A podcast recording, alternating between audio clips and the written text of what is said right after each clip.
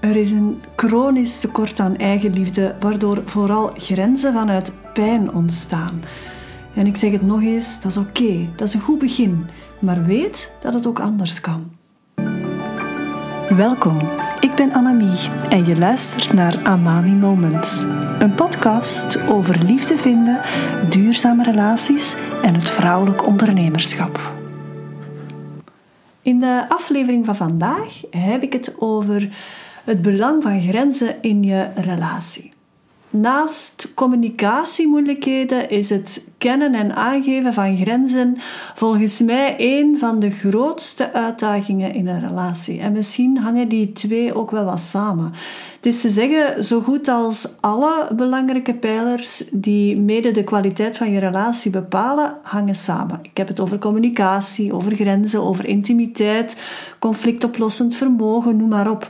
Want als je bijvoorbeeld moeite hebt met authentiek en eerlijk communiceren met elkaar, dan zal dat een impact hebben op hoe je intimiteit ervaart. En ja, zal je geen duidelijkheid krijgen over grenzen die in je relatie belangrijk zijn, bijvoorbeeld. En ga je misschien conflicten uit de weg gaan, of je gaat je ergeren aan aspecten van je partner, totdat zo een opgevuld vat van frustratie wordt, of tot je je helemaal niet meer veilig voelt, bijvoorbeeld. Dus ja, echt alles is met elkaar verbonden. Ik ben daar echt van overtuigd. Dat is trouwens ook de reden dat ik voor de onderwerpen van de vier workshops die ik in het najaar geef, uh, gekozen heb voor die specifieke onderwerpen. In aflevering 21 kom je al iets meer te weten over radicale eerlijkheid en communicatie.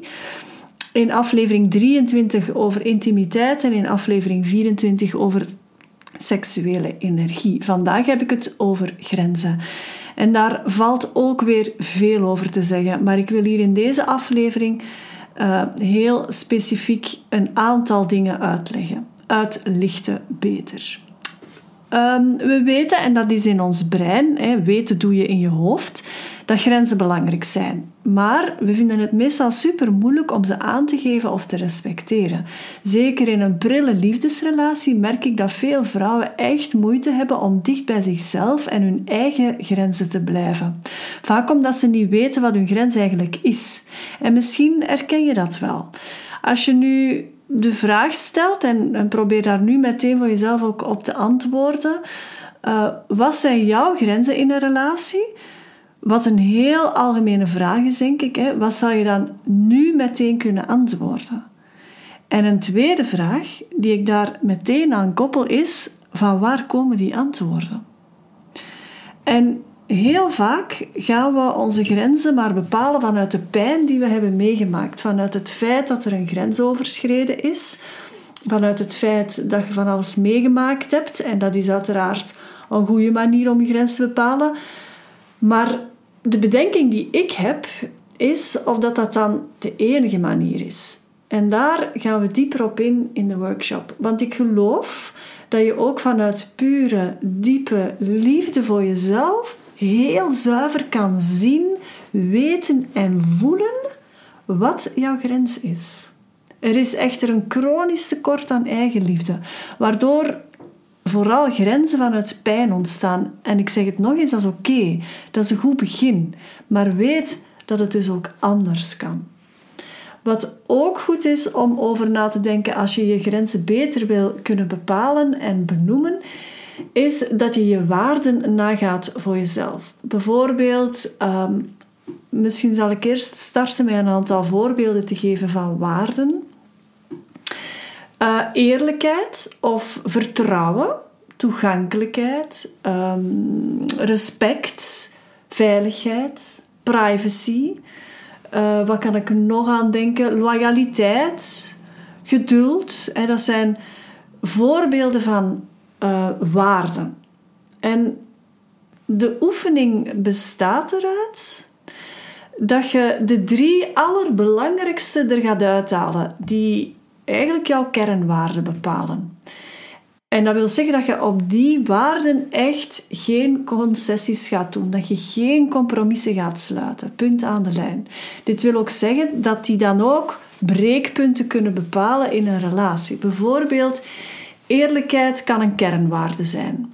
Ontdek je bij je partner oneerlijkheid of een leugen, dan kan dat de relatie op de klippen doen lopen. Geduld is voor mij misschien minder belangrijk, maar voor jou kan dat superbelangrijk zijn. En bij mij is dat vooral omdat ik zelf niet zo geduldig ben. Maar dat is dus voor mij ook geen kernwaarden. Nu, die waarden die geven een notie weer van wat er belangrijk is als het over grenzen gaat. Maar die bepalen daarom nog niet waar die grens exact ligt. Bijvoorbeeld iets niet vertellen aan uw partner, is dat dan ook een leugen? Hè? Of kan je dat door de vingers zien bijvoorbeeld en stel dat dat dan gaat over iets uit uw verleden, dan is dat misschien nog iets anders dan dat dat gaat over iets dat tijdens de relatie gebeurt. Dus het is niet omdat je je waarde kent, dat je ook de zekerheid hebt over je grenzen. Dus dat is wel een heel belangrijk aspect dat je moet meenemen. Wat sowieso een must is, is om te vertrekken vanuit jezelf. Punt. En dan heb ik het over de relatie met jezelf, de liefde die je voelt voor jezelf. Want van hieruit ga je al veel meer duidelijkheid kunnen creëren over je grenzen. Wat tolereer je vanuit die eigen liefde? En het is vanuit die eigen liefde dat je al veel minder vanuit je codependentie gaat handelen, of vanuit je pijn, of vanuit negatieve ervaringen. Je gaat eigenlijk meer vanuit wie je echt bent, zonder al die pijnlagen reageren, zonder dat wat die negatieve ervaring met je gedaan hebben. En daar gaat toch wel een heel ander gevoel van duidelijkheid komen naar je grenzen toe. En ik weet het, je gaat die, al die negatieve ervaringen, dat gaat je nooit vergeten. Maar ze gaan jouw toekomst niet meer bepalen. En daar zit eigenlijk het verschil, denk ik. Het is goed om te leren uit wat je meegemaakt hebt over jezelf. Dus durf zeker te kijken naar je eigen rol in een bepaalde relatie, naar je eigen stuk, naar wat jij geleerd hebt uit een relatie. En dat gaat zeker helpen als je in een volgende relatie stapt om je grenzen ook duidelijk aan te geven of duidelijk te erkennen voor jezelf. En het is alsof je op die manier vanuit eigen liefde je plek in de relatie duidelijk maakt. Wie je bent, wie je wil zijn in die relatie. En dat brengt jou alleen maar dichter bij wie je bedoeld bent om te zijn zonder al die pijnlagen. Om grenzen aan te geven ga je ook moeten praten met elkaar, communiceren om een diepe verbinding te ervaren met je partner, waardoor de intimiteit ook zal verbeteren en waardoor de veiligheid gecreëerd wordt om grenzen aan te geven. Grenzen nodigen altijd uit om elkaar te respecteren, want je bent beide verantwoordelijk voor die grenzen. En vaak zullen conflicten ook op een bepaalde manier terug te brengen zijn naar die grenzen. Soms moet een grens eens erzet worden, of verduidelijkt worden, of benadrukt worden. En ik ruzie maken is eigenlijk een goede manier om dat te doen.